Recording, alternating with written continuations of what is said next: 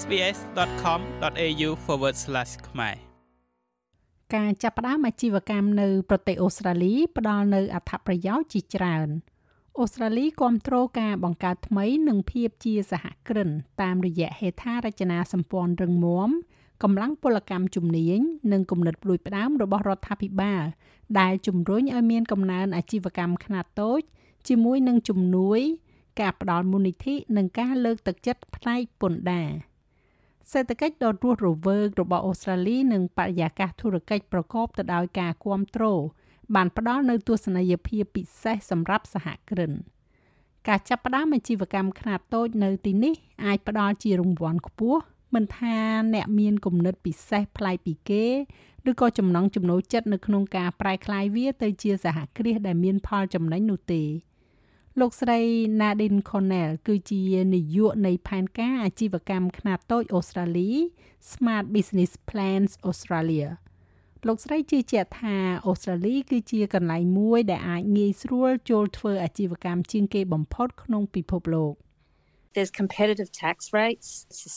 មានអត្រាពន្ធប្រកួតប្រជែងវាជាប្រព័ន្ធ GST ដ៏សាមញ្ញមួយ ដែលមានកម្រិត10% ABN បង្កើតឡើងបានយ៉ាងសាមញ្ញមានការលើកទឹកចិត្តពីរដ្ឋាភិបាលជាច្រើននៅទីនោះតាមរយៈជំនួយខ្ញុំគិតថាមានច្រើនជាង70ពាន់លានដែលផ្ដល់ជូនទូទាំងប្រទេសអូស្ត្រាលី ហើយពិតជាមានបទបញ្ញត្តិច្បាស់លាស់និងប្រាក់ឧបត្ថម្ភសម្រាប់អ្នកនៅក្នុងការធ្វើអាជីវកម្មច្នៃប្រឌិតលោកអាប់ដាឡាអាប់ដាឡាគឺជាអ្នកវិភាគសេដ្ឋកិច្ចដែលមានមូលដ្ឋាននៅទីក្រុងស៊ីដនីអះអាងថាអូស្ត្រាលីមានសេដ្ឋកិច្ចដែលមានស្ថិរភាពសេដ្ឋកិច្ចមានស្ថិរភាពដើរតួជាមូលដ្ឋានគ្រឹះសម្រាប់ទាំងវិនិយោគិននិងសហគ្រិន។ our economy grows steadily except for សេដ្ឋកិច្ចរបស់យើងរីកចម្រើនជាលំដាប់លើកលែងតែរយៈពេលតូចមួយក្នុងអំឡុងពេល COVID ដែលយើងឃើញមានវិបត្តិសេដ្ឋកិច្ចទោះជាយ៉ាងណាក៏ដោយក្នុងរយៈពេល3ទសវត្សរ៍ចុងក្រោយនេះយើងមានការកើនឡើងជាលំដាប់ដូច្នេះប៉ុណ្ណានេះគឺជាការចង្អុលបង្ហាញ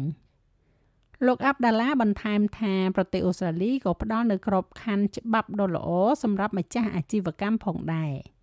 there is good protection for companies for investors មានការការពារដ៏ល្អសម្រាប់ក្រុមហ៊ុន សម្រាប់វិនិយោគិនសម្រាប់សហគ្រិននៅជុំវិញឧបមាថាសិទ្ធិអចលនទ្រព្យកម្មសិទ្ធិបញ្ញា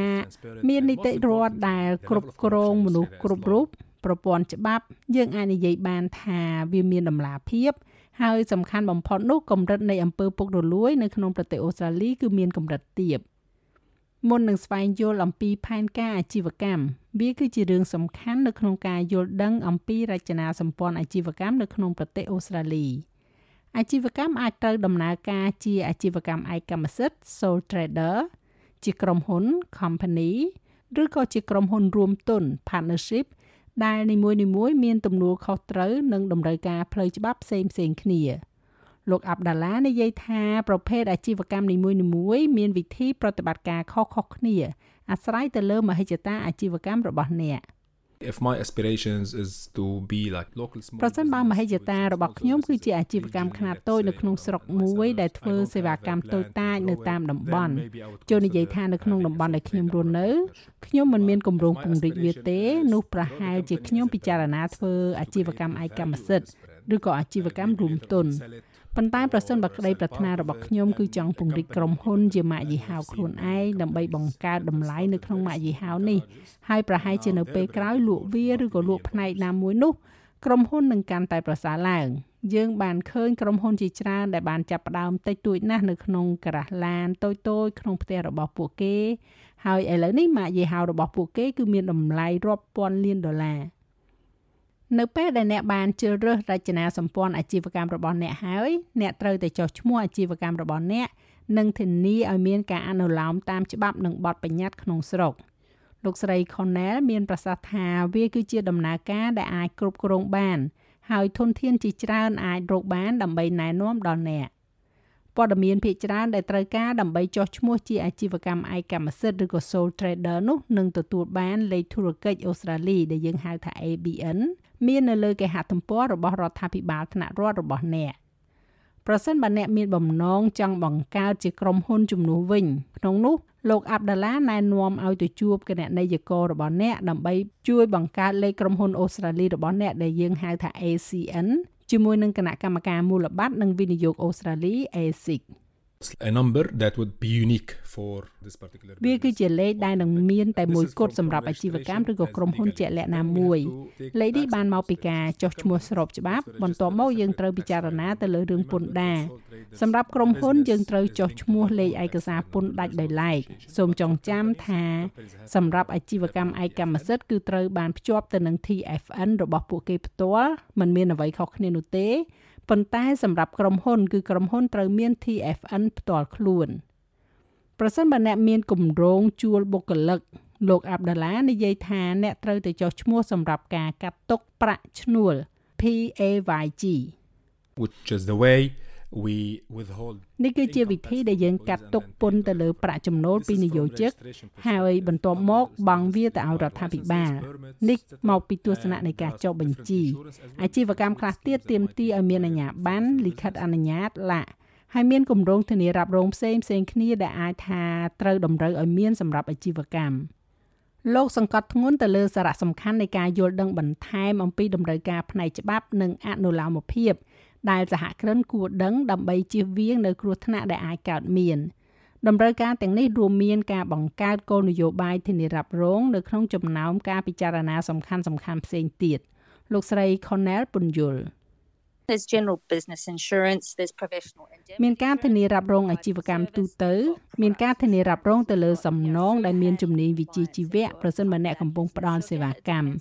អ្នកមានការធានារ៉ាប់រងផលិតផលការអនុលោមតាមការគ្រប់គ្រងអាហារប្រសិនបើអ្នកជាផ្នែកនៃអាជីវកម្មនោះដូច្នេះវាអាស្រ័យទៅលើប្រភេទអាជីវកម្មដែលអ្នកកំពុងតែដំណើរការប៉ុន្តែអ្នកគ្រប់គ្នានឹងត្រូវការធានារ៉ាប់រងនៅក្នុងកម្រិតខ្លះការធានារ៉ាប់រងការទទួលខុសត្រូវសាធារណៈដែលយើងហៅថា public liability insurance ប្រសិនបើអ្នកនឹងមានមនុស្សចូលមកក្នុងកន្លែងអាជីវកម្មរបស់អ្នកផងដែរ។ ទស្សនវិជ្ជាសំខាន់មួយទៀតដែលត្រូវពិចារណា គឺការអភិវឌ្ឍផែនការអាជីវកម្មដែលរៀបចំបានល្អដែលជារឿយៗត្រូវបានចាត់ទុកថាជាផែនទីបង្ហាញផ្លូវទៅកាន់ភាពជោគជ័យលោកស្រី Connell និយាយថាការស្រាវជ្រាវទីផ្សាររបស់អ្នកគឺជាជំហានដំបូង researching your market knowing who your customers ធ្វើការស្រាវជ្រាវទីផ្សាររបស់អ្នកដោយដឹងថាអតិថិជនរបស់អ្នកជានរណា ទីផ្សាររបស់អ្នកធំប៉ុណ្ណាកន្លែងដែលអ្នកកំពុងតែប្រតិបត្តិការនិងទីតាំងរបស់អ្នកប្រសិនបើអ្នកមានហាងជាក់ស្ដែងតើមានអ្វីផ្សេងទៀតនៅទីនោះតើអ្នកណាជាគូប្រជែងរបស់អ្នកអ្នកនឹងលក់អ្វីតម្លៃប៉ុន្មានផលិតផលអ្វីខ្លះដូច្នេះប្រសិនបើអ្នកអាចយល់ច្បាស់អំពីសមាសធាតុទាំងនោះនោះអ្នកអាចដាក់ទីតាំងផលិតផលឬក៏សេវាកម្មរបស់អ្នកនៅលើទីផ្សារតាមរបៀបដែលល្អបំផុតប្រសិនបើអ្នកត្រូវការជំនួយផ្នែកហិរញ្ញវត្ថុដើម្បីចាប់ផ្ដើមអាជីវកម្មរបស់អ្នក អូស្ត្រាលីផ្ដល់ជូននៅជំរើសជាច្រើនដែលអ្នកអាចតាក់ទងបាន លោកស្រី Cornell ចែករំលែកការយល់ដឹងរបស់លោកស្រីអំពីជំរើសហេរញ្ញប្បទានផ្សេងផ្សេងដែលមាន សម្រាប់សហគ្រិនជាសក្តានុពល រួមទាំងជំនួយ ប្រាក់កម្ចីនិងអ្នកវិនិយោគឯកជន there's a lot of grants out មានជំនួយជាច្រើននៅទីនោះមានច្រើនជាង70ពាន់លានដុល្លារដែលរដ្ឋាភិបាលនៅក្នុងលក្ខខណ្ឌនៃរដ្ឋនិងក្រមប្រឹក្សាមូលដ្ឋានអាចរកបាន មានអ្នកវិនិយោគឯកជនផងដែរវាអាស្រ័យទៅលើថាតើអ្នកមាននរណាម្នាក់ដែលអ្នកស្គាល់ដែលកំពុងសម្លឹងរកមើលការវិនិយោគនៅក្នុងអាជីវកម្មរបស់អ្នកដែរឬទេឬក៏អ្នកអាចផ្ដល់ជាកម្មសិទ្ធិហ៊ុនដែរឬទេលោកស្រី Connell ក៏គូសបញ្ជាក់ផងដែរថាគេហទំព័ររបស់រដ្ឋាភិបាលអូស្ត្រាលី business.gov.au មានការផ្ដល់ជំនួយជាច្រើនដែលបានរីបញ្ជីក្រោមផ្ទាំង tab ប្រាក់ជំនួយ និងកម្មវិធីស្វែងរក ជំនួយទាំងនេះបំពេញបន្ថែមទៅលើឧស្សាហកម្មផ្សេងៗដោយផ្ដល់ការគ្រប់គ្រងនិងឱកាសនៅទូទាំងវិស័យចម្រុះ people can actually go and search through those មនុស្សម្នាពិតជាអាចចូលទៅរករោគឬក៏ search តាមនោះបានប៉ុន្តែបន្ទាប់មកពួកគេក៏មានរដ្ឋាភិបាលថ្នាក់រដ្ឋផងដែរគេហទំព័ររដ្ឋាភិបាលថ្នាក់រដ្ឋទាំងអស់មានជំនួយផ្ទាល់ខ្លួនរបស់ពួកគេ ដែលបានរីបញ្ជីតាមអ៊ីនធឺណិតហើយបន្ទាប់មកក្រុមប្រឹក្សាមូលដ្ឋាននៅក្នុង LGA ក្នុងតំបន់របស់អ្នក ពួកគេក៏តែងតែមានជំនួយផងដែរលោកអ្នកអាចតាក់ទងទៅនាយកដ្ឋានរដ្ឋរបស់អ្នកសម្រាប់ព័ត៌មានបន្ថែម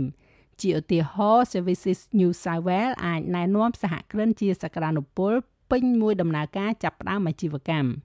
លោកស្រី Cassandra Gibbons នាយកប្រតិបត្តិនៃការិយាល័យអាជីវកម្មរបស់ Services New South Wales ពន្យល់ សេវាកម្មសម្របសម្រួលអាជីវកម្មរបស់យើងផ្ដល់ជំនួយសម្រាប់អាជីវកម្មនៅក្នុងការស្វែងរកព័ត៌មានអំពីជំនួយហិរញ្ញវត្ថុដែលមានសម្រាប់ចាប់ផ្ដើមអាជីវកម្មនៅទូទាំងផ្នែកផ្សេងៗនៃរដ្ឋាភិបាលហើយភ្ជាប់ពួកគេជាមួយនឹងជំនួយនឹងការបង្វិលសងត្រឡប់មកវិញដែលយើងហៅថា rebate ដែលរដ្ឋាភិបាលមានសម្រាប់ពួកគេលោកស្រីបន្ថែមថាអ្នកសម្របសម្រួលអាជីវកម្មនីមួយៗ និងនិយាយជាមួយអតិថិជនរបស់ពួកគេ ហើយធ្វើការស្វែងយល់ពីអ្វីដែលអាចមានសម្រាប់ពួកគេនៅក្នុងករណីនីមួយៗនិងផ្អែកទៅលើកលៈទេសៈរបស់ពួកគេលោកស្រី Cornell ណែនាំអ្នកឲ្យបោះជំហានដំបូងឆ្ពោះទៅរកក្តីសុបិនជាសហគ្រិនរបស់អ្នកចាប់ផ្ដើមស្រាវជ្រាវ បង្កើតបណ្ដាញនិងកែលម្អគំនិតអាជីវកម្មរបស់អ្នកសូមចាំថារាល់អាជីវកម្មជោគជ័យទាំងអស់ចាប់ផ្ដើមដោយការឈានជំហានមួយមួយ The biggest misconception would be that you have ការយល់ខុសដ៏ធំបំផុតនោះគឺថាអ្នកត្រូវតែមានលុយច្រើនដើម្បីធ្វើវា អ្នកមិនចាំបាច់បង្កើតឡើងវិញនៅអ្វីអ្វីទាំងអស់ក្នុងពេលតែមួយនោះទេ អ្នកមិនចាំបាច់ចាប់ផ្ដើមពី0ទៅ100នោះទេ អ្នកអាចចាប់ផ្ដើមដោយយឺតយឺតហើយវិនិយោគនៅពេលដែលអ្នករីកចម្រើន វាអាចជារឿងដ៏គួរឲ្យភ័យខ្លាចនៅក្នុងការចាប់ផ្ដើមអាជីវកម្មហើយវាមិនចាំបាច់ថាអ្នកត្រូវតែនិយាយទៅកាន់មនុស្សដែលត្រូវនោះទេ អ្នកទាំងអស់គ្នាអាចធ្វើការជាមួយគ្នាដើម្បីជួយឲ្យអាជីវកម្មនោះទទួលបាននូវជោគជ័យចាស់ហើយរបាយការណ៍ដែលពន្យល់ពីប្រទេសអូស្ត្រាលីឬដែលយើងហៅថា Australian Explain នេះចងក្រងឡើងដោយ Maram Ismail ហើយប្រែសម្រួលដោយនាងខ្ញុំហៃសុផារ៉ានីចុច like share comment និង follow SPS ខ្មែរនៅលើ Facebook